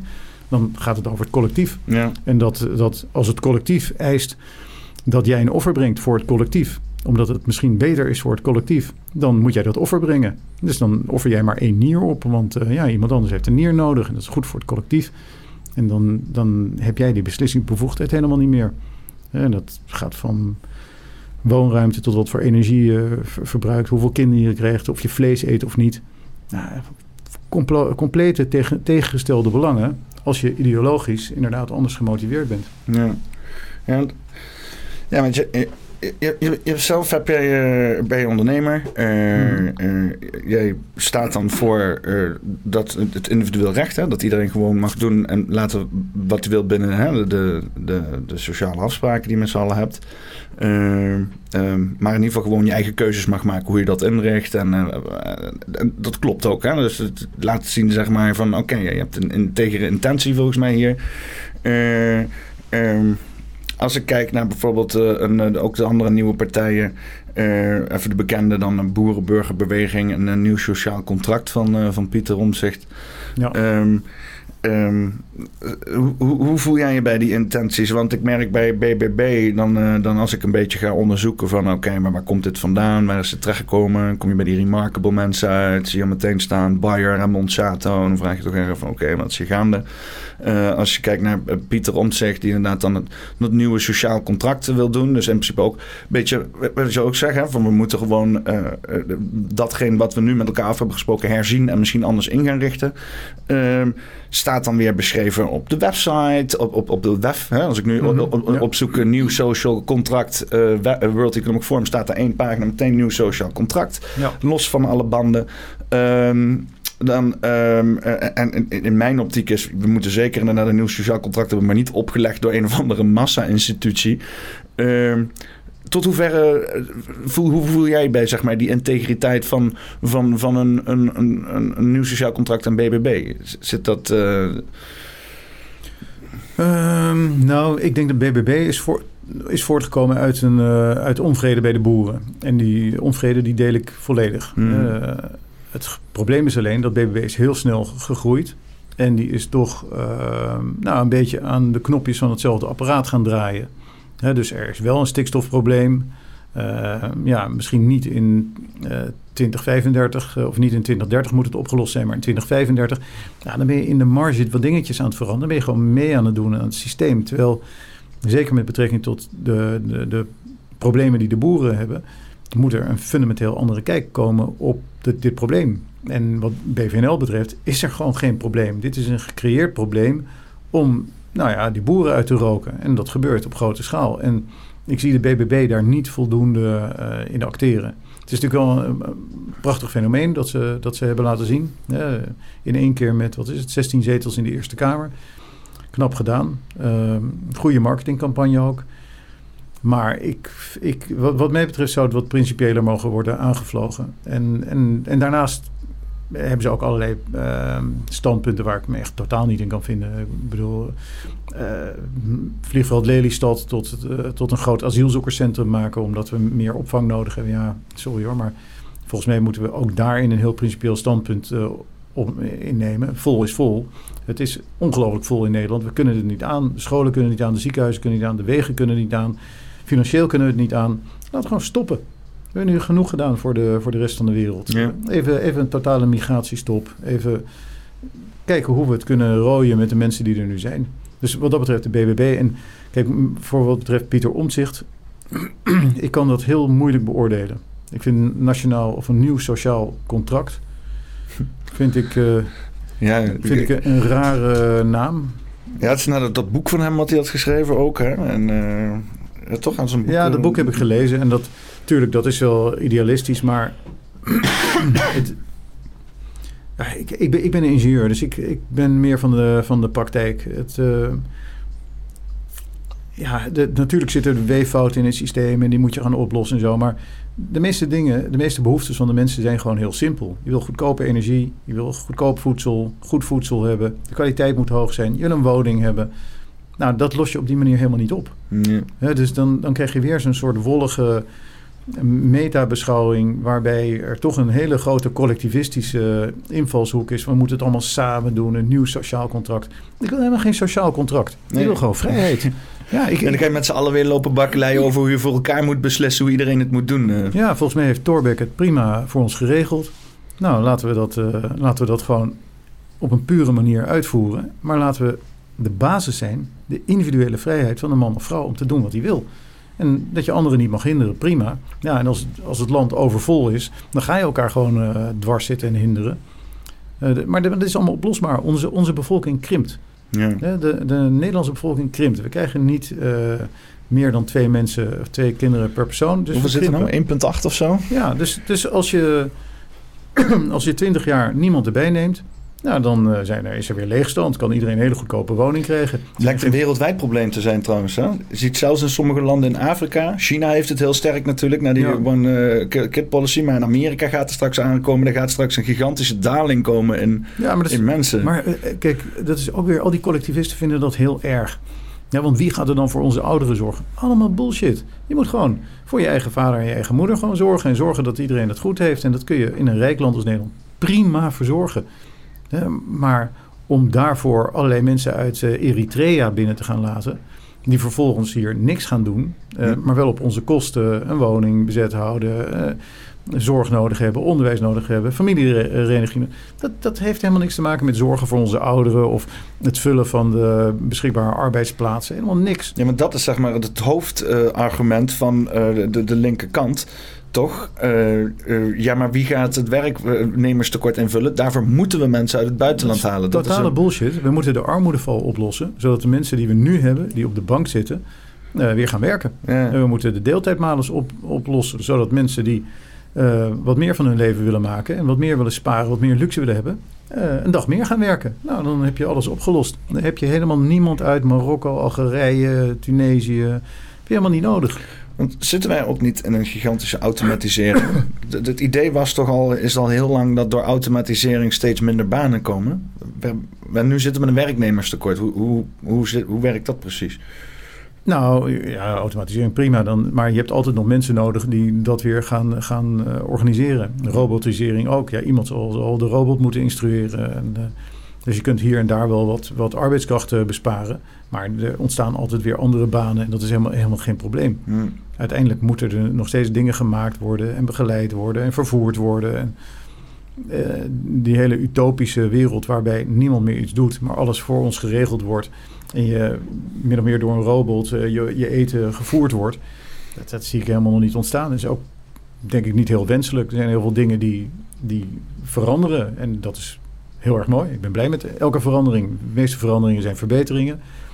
Maar uh, nee, ik, ik, ik, zie het probleem niet. Kijk, als de bevolking kleiner wordt, dan, uh, nou, dan wordt het wat rustiger. Ja, dan moet je misschien uh, alles wat anders organiseren. Maar de, in de eerste instantie zul je minder files hebben, minder woningnood, minder wachtlijsten bij de zorg, kleinere klassen op de scholen. Helemaal prima. Minder ja. rijen bij de supermarkt. ja, en, ja, en dan heb je misschien um, ja, wat meer over. Nou, dan gaan de prijzen gaan omlaag. Ja. Nou, prima. Ja. Dat is helemaal niet, helemaal niet zo raar. En dat kan in, prima in een barmhartig kapitalistisch systeem kan het ook prima zo ontstaan. Je moet af en toe ook dingen laten krimpen, zeg maar. Kan niet alleen maar eeuwig groeien. En nou, je, je kan best wel uh, omzetgroei hebben of, uh, en kapitaalgroei, dat is allemaal prima. Maar dat een bevolking op een gegeven moment wat, wat krimpt, dat is helemaal, helemaal geen probleem. Ik denk dat de wereldbevolking ook niet uh, naar 30 miljard kan groeien. We moeten ergens. Is het gewoon niet een soort van angst, omdat we eigenlijk in uh, weet ik veel hoe lang, 150 jaar nog niet één keer gekrimpt zijn? Ja, sommige landen krompen, uh, krompen toch wel. Ja, maar zijn er voorbeelden van, van landen die dan. Nou, Nederland is een, is een krimpend land. Alleen ja, door. door... Ja, maar nu, nu zeg maar. Maar in het verleden is dat toch niet al eerder gebeurd dat, uh, dat we krimpen. We zijn toch zeg maar soort van een hele tijd al in een stijgende ja, lijn ja, bevolking ja, bezig. Ja. Dus het is ook wel zeg maar heel eng misschien. Nou, de, ik weet niet of het eng is. Kijk, wij zijn wel uh, na Monaco het dichtstbevolkte land uh, ter wereld. Ik geloof 534 mensen per vierkante kilometer. Nou, dan kun je je afvragen. Oké, stel dat wij heel links en heel sociaal en heel barmhartig zijn en alle vluchtelingen in de wereld willen helpen ja, kunnen we dat dan nog wel hier doen zonder, uh, zonder onszelf lastig te vallen? En moeten we dat niet gewoon daar doen? Ja. dat je, als je zegt, nou, we willen inderdaad een miljoen mensen uit Eritrea uh, helpen. Nou, laten we dat dan daar doen. en uh, laten we niet al die mensen hier komen, want dat heeft gewoon geen zin. Dus voor hun is het ellendig, voor ons is het ellendig. Het kost bakken met geld. De eerste generaties integreren nauwelijks. dragen niks bij. Ja, dat is gewoon de verkeerde manier van te organiseren. Wat mij betreft hoef je helemaal niet trouwens de hele wereld te helpen. Ik, ik zou er veel meer voor zijn om als er een, als er een, uh, een echte noodsituatie is, een aardbeving in Turkije of zo, ja, dat je dan uit alle macht gaat helpen. Prima. Tsunami in, in, Indonesië, ja, prima. Dan ga je daar met je, met je militaire apparaat naartoe ga je helpen. Maar je kunt niet de hele wereld helpen. Dat is schier onmogelijk. Ja, het is een beetje als je je huis maar openzet, uh, deur eruit slopen, zeg iedereen die mag binnen in mijn huis. Dan voor je het weet is het een crackpand volgens mij. Uh, en dan is niemand er meer mee geholpen met jouw huis. Ja, kan beter een gelimiteerd aantal mensen binnenlaten en die heel goed helpen. Dat, ja, uh, maar ik vind het wel zo mooi dat met die filmpjes op, op internet. Dan dat ze eerst gaan vragen van nou ja, maar zou jij dan uh, uh, iemand, uh, een vluchteling, zou je die in huis nemen? Ja. En dat iedereen dan zegt ja, ja, nee hoor, dat zou ik zeker doen. Ja, ik stem D66, fantastisch. Ik ben echt een barmhartig persoon. Nou, en dan zegt nou, dan heb ik hier iemand. Nou, dan staat er dus een vluchteling van wil je hem mee naar huis nemen? Nou nee, sorry, maar dat, dat, dat lukt nu even niet. Want ja, ik ben aan het verhuizen. Ja, kijk, dat is allemaal hartstikke mooi. Maar andermans geld uitgeven en andermans huizen openstellen. Andermans luxe uh, vernietigen. Ja, dat is allemaal heel makkelijk. Maar een beetje hetzelfde als die windmolens. Moet ook allemaal uh, ergens anders en zo. Ja, het, allemaal, kijk, eh, die, het zijn allemaal NIMBY-socialisten. Uh, het is, ja, not in my backyard. Toch? Ja, ja, Het is allemaal hartstikke leuk om over andermans prestaties en andermans vermogen... en andermans zuurverdiende geld te beslissen. Maar uiteindelijk moet iemand energie ergens in stoppen... En daarmee geld verdienen en belasting betalen. En nou, het is, ik vind het gewoon een, een moeilijk te verteren systeem. Dat mensen die niks doen, dan gaan beslissen over uh, iemand die wel wat doet. Een soort van deugen over de rug van een ander. Absoluut, ja. Nee, maar zo is het wel. Hmm. Een uh, Nexit, is dat wenselijk? Um, nou, in ons uh, verkiezingsprogramma van BVNL staat dat wij een bindend referendum willen hebben over een Nexit. En als Nederland uh, met een meerderheid zegt dat we eruit willen, dan gaan we eruit. Ik, ik vind de soevereiniteitsoverdracht die, uh, die heeft plaatsgevonden in de afgelopen tientallen jaren, vind ik bespottelijk. Mm. Het feit dat Mark Rutte nooit met zijn vuist op tafel heeft geslagen, is, is, is bizar. we, we, laten ons continu ringen horen. We zijn eh, per hoofd van de bevolking de grootste netto-betaler van de, van de EU. We krijgen er heel weinig voor terug ten opzichte van uh, nou, de, de basissituatie die je in de Benelux had, hè, of in, in de EEG, dat het gewoon een, uh, een, een, handelsgemeenschap is. Dat je gewoon een zakelijke relatie hebt. En dan kun je vrij verkeer van personen en goederen hebben en, en geen handelsbarrières hebben. Fantastisch, prima. Maar dat uh, Frans Timmermans vanuit Brussel gaat bepalen dat wij een soort klimaatgekkies gaan worden. Ja, dat, dat, is, dat is idioot. En, ja, ik, mijn moeder is Engels, dus ik kijk veel naar de, de Engelse kant van het verhaal. Nou, wij, krijgen natuurlijk allemaal hier te horen dat, oh, die, die Britten, de Brexit, nou, dat is echt verschrikkelijk. Nou, ik denk dat de Britten God om hun blote knieën mogen danken. Want ze hebben, ze hebben geen enkele last meer van de EU. We handelen nog gewoon als nooit tevoren.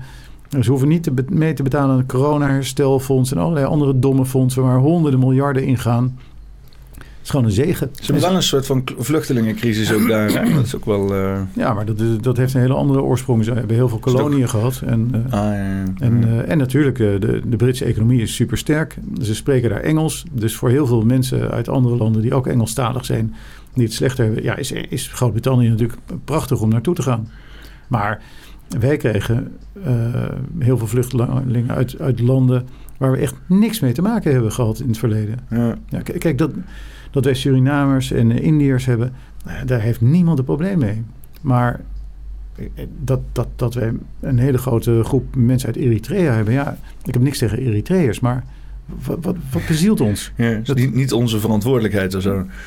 nee, en ook als je dan bedenkt dat uh, 95% gewoon niets doet, niet werkt, vind ik dat vreemd. Ja. Kijk, die Oekraïners die hier zijn gekomen, volgens mij werken ze allemaal. Ja, ik vind dat een stuk makkelijker te verteren dan uh, als iemand hier komt en vervolgens echt niets gaat doen. Rijden ook best mooie auto's eigenlijk. Ik zeg altijd, als ik altijd als ik een Oekraïnse auto zie rijden met een Oekraïns vlaggetje, dan is het altijd een dikke SUV of zo. Of uh, een grote. grote uh... Ja, toch, weet je, als, uh, als we hier opeens een, een ronde zouden hebben waarbij mensen van uit 1967 weer in dienst moeten om tegen de Russen te gaan vechten. Ik denk dat ik ook niet blijf. Hier. Uh, ja, nee, dus, dus ik kan het geen Oekraïner kwalijk nemen dat hij zegt van sorry, maar ik ga toch niet een oorlogje in een oorlog meedoen waar ik een hele grote kans heb om te sneuvelen. Terwijl ik een vrouw en kinderen heb. En, uh, het is wel apart om dan zeg maar naar een land toe te gaan die het mogelijk maakt om daar oorlog te vieren. Omdat je zelf niet aan de oorlog wil meedoen. Dat is wel. Uh... Ja, maar niemand wil toch gaan vechten. Nee, maar het is echt. ja, maar ja, ja, ze zouden dus eigenlijk hierheen moeten komen en dan moeten gaan protesteren. Stop de fucking oorlog. ja, absoluut. Maar ik denk dat ze ook uh, ja, op een bepaalde manier straks blij zijn als, uh, als ze weer terug kunnen. Maar ik, ja, ja het, is, het is heel vreemd. Ik, ik zou, als Nederland zou worden aangevallen, zou ik hier wel blijven om te vechten. Ik zou op geen enkele manier bereid zijn om uh, naar het buitenland te gaan om daar te sterven voor een of ander raar land. Ja, nee, ja. Dat, dat gezegd hebben, hebben we natuurlijk wel een NAVO-afspraak. Dus als een land van de NAVO wordt aangevallen, ja, dan heb je natuurlijk wel de plicht om, om daarvoor te gaan vechten. Omdat een aanval op één is een aanval op alle. Ja, ja. Ja, want uh, oké, nou stel hè, uh, next, want we zitten nu dan in Europa en mm -hmm. uh, Engeland die is dan next zit gegaan, maar die zit op een eiland. Die heeft nog enigszins invloed en natuurlijk ook de Five Eyes en al dat soort zaken. Ja.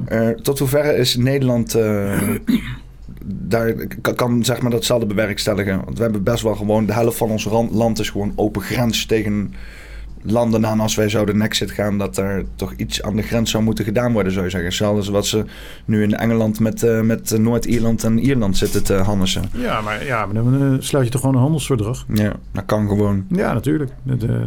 Ik denk niet dat Europa gaat moeilijk lopen doen en zo.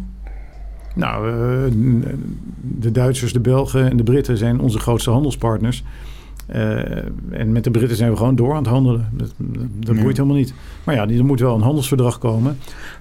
en dat hebben we met heel veel uh, landen. Dat is geen enkel probleem. Alleen je wil af van die ongelofelijke betalingen. Je wil af van dat hele idiote circus met, met al die bureaucraten in Brussel. En die dan weer verhuizen uh, één keer per maand. Dit is, dit, is, dit, dit is een totaal uit de hand gelopen kankergezwel dat steeds groter wordt met steeds meer ambtenaren. Ik denk dat we er goed aan doen om, uh, nou ja, of dat te herzien. Nou, dan blijf je in de EU. Of je zegt, we, we stappen er even uit en we gaan het eventjes voor onszelf regelen. En kijk, immigratie, uh, daar heb je helemaal geen, geen grens voor nodig om dat tegen te houden. Je moet gewoon zorgen dat als je hier binnenkomt op een illegale manier, dat je geen enkel recht hebt, op wat voor manier dan ook, op wat voor uh, voorzieningen. Nou, dan, dan is, het, is het snel afgelopen. De poolfactoren in Nederland zijn zo ongelooflijk groot. Je krijgt hier een gratis woning bij voorrang. Hè, voorrang op, op de eigen bevolking. Mm -hmm. Sociale woning. Je krijgt een uitkering. Je krijgt gratis zorg, gratis onderwijs. Ja, vind je het gek als jij uit een willekeurig Afrikaans land komt... waar dat allemaal niet is. Natuurlijk, ze, ze zouden wel gek zijn als ze niet hier naartoe zouden komen... maar wij zijn knettergek dat we het toelaten. Ja. En, en binnen Europa kunnen we het dan blijkbaar niet meer regelen. Nou ja, oké, dan moeten we het zelf gaan regelen. Nou, als je daarvoor uit de EU moet, ja, tompie. Ja, en het wordt uh, schijnbaar ook nog gefaciliteerd, ook nog uh, van die bootjes die dan doorgelaten worden en zo. Dus, nou, dat zijn die, die NGO's, die kregen dan uh, miljoenen subsidie. En vervolgens gaan zij mensen redden. En daarmee houden ze die verschrikkelijke mensensmokkel in stand. En houden ze ook in stand dat mensen het risico nemen. En af en toe met z'n honderden tegelijkertijd verdrinken. Ja, ik, ik vind dat echt misdadig. Ja. Je zou echt hele strenge straffen moeten, moeten zetten op, op mensen die met die bootjes zogenaamd mensen gaan helpen. Maar ondertussen gewoon uh, mensensmokkel aan het plegen zijn. Het is toch heel apart dat er gewoon een groep mensen is die denken dat ze zo goed bezig zijn. En ook goede taal uitspreken, terwijl de uitwerking daarvan gewoon echt zeer immoreel is. Uh. Ja, maar, maar, links heeft vaak een soort uh, deugdpet op. Maar ondertussen zijn ze hele immorele dingen aan het doen. Ja. En ik, ik denk ook weer terugkomen naar de kern. Het is veel beter om uh, een beroep te doen op het natuurrechtelijke besef van een individu. Jij weet echt wel dat je niet mag doden, niet mag stelen. maar dat, dat weet jij. Het probleem, het probleem is als je dat collectief gaat maken, dan komt er een wet, die hebben we met z'n allen afgesproken. En, en ja, als de pakkans dan nul is en de strafmaat is ook nul, zoals bij heel veel dingen in Nederland, ja, dan wordt het bijna gelegitimeerd om het wel te doen. Je krijgt een morele relativiteit op een gegeven moment. Ja, eh. precies. Nou, die fiets die stond uh, niet op slot. Nou, ja, dan hadden ze maar op slot moeten zetten. Ja, maar uh, hij was uh, van een uh, rechtse partij, dus daarom mag, hij, mag ik hem op zijn bek slaan. Ja, ze had een heel kort rokje aan. Ja, dan lokte ze het ook wel een beetje uit dat ze verkracht werd. Ja. Totaal niet. Nee, jij, jij bent een individu. Jij hebt de morele plicht om precies te weten wat goed en fout is. Nou, dat weet je ook wel. En dat heeft helemaal niks te maken met een kort rokje of een fiets die niet op slot staat. Hè, omdat het zeg maar collectief is afgesproken. Dat is allemaal hartstikke leuk. Maar het feit dat, er, dat de pakkans in Nederland laag is en de strafmaat bijna nul omdat je allerlei rechters hebt die daar hele, ja, hele, hele milde dingen over vinden. Dan uh, ja, dat, dat, dat, dat rechtvaardigt nog niet dat je het doet. Dus je, je, je moet zelf bijna als je maar binnen de lijntjes blijft rijden en aan de snelheid houdt, dan is het niet erg dat je eens een keer iemand aanrijdt, want jij hield je aan de regels. Nou, dat is weer een ander, ander verhaal natuurlijk. ja, maar zo, zo, zie ik het wel een beetje. Er is heel veel wetgeving en iedereen zegt van ja, maar ik hou me aan de wet. En dan ondertussen betekent niet dat dat eh, meteen moraliteit uitnodigt. Nee. Uh. nee ik ben veel meer voor een systeem waar je vertrouwen hebt in de mensen. En die mensen moeten gewoon zelf het goede doen. En dat weten ze ook wel wat goed is. En als het dan misgaat, dan moet je ook snoeihard ingrijpen en ook heel streng straffen. Ja, ja. En dan weet iedereen, oh ja, nee shit. Wij als samenleving hebben inderdaad dat morele besef dat als jij een kind verkracht en vermoordt, dat je dan inderdaad nooit meer aan de samenleving mag, mag deelnemen. Dat mag dan gewoon niet meer. Dan, ja, niet dat je om de dood hoeft te worden gemaakt, want ik ben ook niet voor de doodstraf. Maar je komt in ieder geval nooit meer in de samenleving. En dat, dat vind ik ook iets heel raars. Hè. In, in Nederland zijn we de, de rationaal uh, achter straffen zijn we, zijn we kwijtgeraakt. Hè. Vroeger straften mensen omdat je wraak mocht nemen. Hè. Een oog, oog voor een oog en een tand voor een tand. Hmm. Um, en daarna had je de, de, de reden was uh, het beschermen van de samenleving. Dus dat je, nou, als je één keer iemand hebt uh, vermoord of verkracht, dat je dan de samenleving beschermt. Maar nu is de, de hoofdreden van straffen is de reïntegratie van de dader. Ja, dat, dat, hmm. dat ik vind dat weer een, een uitvloeisel van onze decadente samenleving die ik niet begrijp. De, reïntegratie van de dader interesseert mij helemaal niets. primair is volgens mij uh, de bescherming van de samenleving. Dus als jij ooit een kind hebt verkracht en vermoord, dan word jij voor je leven lang opgesloten. En, en, dan, en om wraak helemaal uit te bannen als, als emotie vind ik ook raar. Want het is een hele menselijke emotie. En het is denk ik heel erg terecht dat mensen genoegdoening willen hebben als hun iets aan, aan is gedaan die echt vergaand is. Toch denk ik dat wraak vaak niet die genoegdoening, genoegdoening geeft, maar... Nee, maar het is wel heel prettig om te weten dat iemand die jouw kind heeft vermoord...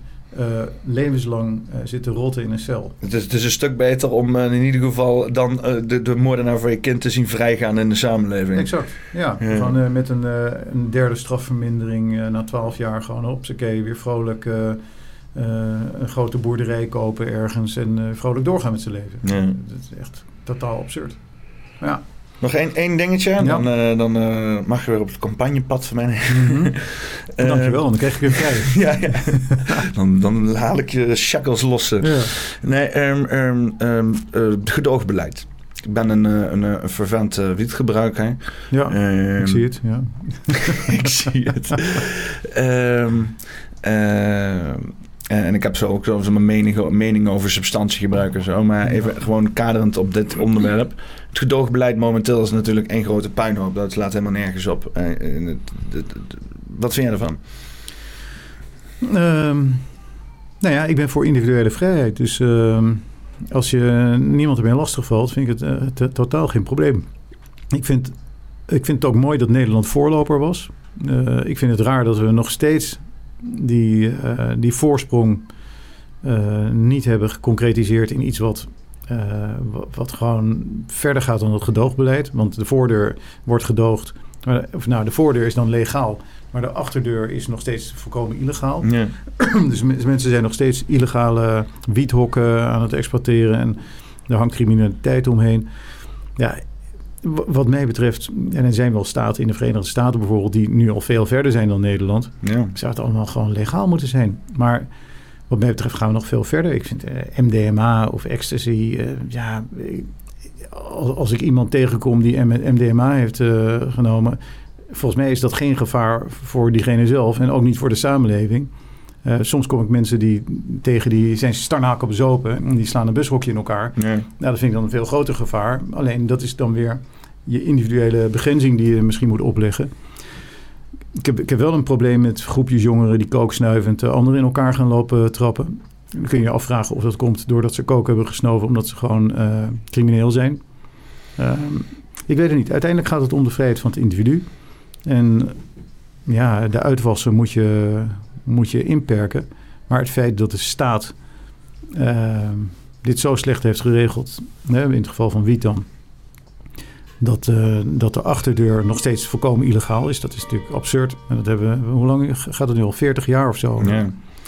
Dat, dat, is, dat is vreemd. Maar nogmaals, uh, ecstasy en, en, en MDMA en zo. Ja, ik ken genoeg mensen die af en toe een pilletje nemen.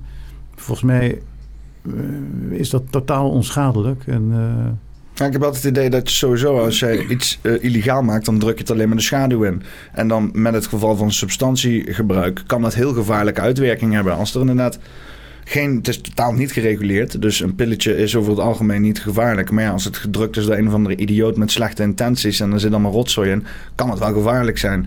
Ja. En, en dat is wat je doet door het alsmaar maar in de, de, de, hoek van criminaliteit te douwen. Want de vraag die blijft er. Dus aanbod komt er. Dus kun je het illegaal maken als je wil, dan wordt het alleen maar meer waardevol.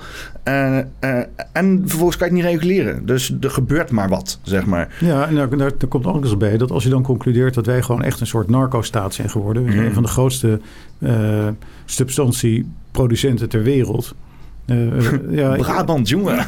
nee, maar uh, ik geloof dat het geschat wordt op 20 miljard per jaar of zo. Nou, als je dat weet, dan zou ik liever hebben dat we daar gewoon belasting op heffen. En, en, en dat het gewoon een gereguleerde business is, waarbij in ieder geval de kwaliteit zodanig is dat iedereen veilig een pilletje kan nemen.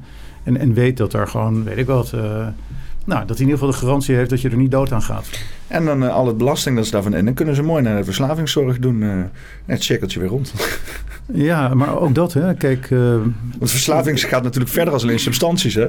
Seksverslaafd, gameverslaafd, koopverslaafd, weet ik veel wat. Ja, maar, maar kijk, aan heroïne word je natuurlijk sneller verslaafd dan... Ik, ik, heb, ik heb bijvoorbeeld heel, heel erg veel moeite met mensen die... Nou, ik heb niet moeite met de mensen, maar ik heb moeite met roken. Ik vind roken vind ik echt een mm. stupidity tax. Je wordt als kind wordt je verslaafd gemaakt door allerlei mooie marketingcampagnes. Volgens mij levert het helemaal geen groot plezier op. Het, uh, het stinkt, het is uh, vervelend. En ik zou iedereen gunnen om, om niet te roken. Want het kost je een vermogen. En dus de staat die, ja, die haalt gewoon extra belasting bij je op omdat je verslaafd bent. Ja. Terwijl als je een keer, uh, één keer in de maand een beetje MDMA neemt... Volgens mij is dat helemaal niet verslavend, maar ik ben geen verslavingsexpert. Hè? Nee. Maar nou, als je verslaafd aan de MDMA bent, dan ben je wel echt. Uh, het, het, kan wel maar meer aan het feit dat je niet meer weet hoe je iets moet doen zonder MDMA. In de zin van op wekelijks niveau. Maar als je elke dag aan de MDMA bent, volgens mij, volgens mij kan dat niet eens. Volgens mij, volgens mij kan dat niet eens. Ja, nee, maar Vol, volgens mij nemen mensen dan één keer in de drie maanden een keer een pilletje of zo, weet ik veel. Nou, ik, kan, ik, heb een, een, een, ik heb vrienden gehad en dan gaat het gewoon elke week gaat het er hard op, zeg maar. Ja, uh, okay. En dan, uh, het, het, is, het is niet super schadelijk. Alleen ja, je krijgt allerlei, allerlei sociale uitwerkingen. En ook natuurlijk voor jezelf dat je niet meer, in plaats van daar gewoon op een feest gaat socializen, ervaringen opdoen, een totje nemen, uh, nieuwe dingen gaat ervaren.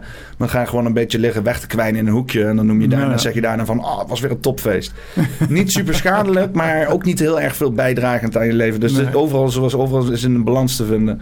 Maar het is een stuk. Uh, MDMA kan heel goed werken. Er zijn mensen die echt uit een schulp komen door MDMA. Ja. Uh, mensen die trauma's verwerken op de MDMA. Omdat je ja, toch in een soort van gevoel naar boven kan. Dat bij sommige mensen helemaal is weggestopt. En als je dat gevoel eenmaal hebt gevoeld, dan kan je het ook op een gegeven moment zonder de drugs uh, reproduceren. Maar dan moet je wel op een gegeven moment ervan afgaan. Als je maar constant dan drugs maar, blijft nemen. Maar is het verslavend?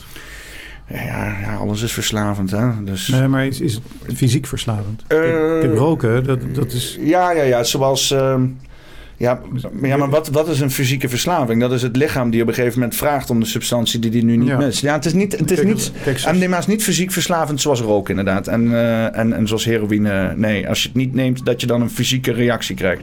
Ja, maar het dan is, dan, is toch prima. Dan is de keuze van het individu. Uh, ja, als, als, als jij dat één keer per maand wil nemen, be my guest. Ja. Nou, ik zou het niet elke dag doen, want volgens mij kan je er niet meer werken. Volgens mij moet je niks elke dag doen. nee. elke dag suiker eten is ook niet gezond. Nee, precies. Nee. Oké, nou. Eén dingetje, ja? een titel. Uh, doe ik altijd aan het eind van de, van de, van de show. Uh, ik, eerst dacht ik van, we noemen hem gewoon uh, in het belang van de mel of iets. Maar bijvoorbeeld uh, iets volgens mij, denk ik, zoals uh, individualisme boven alles of zo. Of iets in die trant is misschien ook. Heb jij misschien dingen woorden? Nou, onze, onze campagneslogan is nu uh, Nederland voorop en vooruit. Dat kan. Zou ik hem voorop en vooruit noemen? Anders wordt hij zo lang. Kan ja, voorop en vooruit. Voorop en vooruit, ja? ja. Ik vind hem een mooie. Dan uh, is dit uh, poppenkast nummer 134. Voorop en vooruit met Wiebel van Haga. Dankjewel. Absoluut.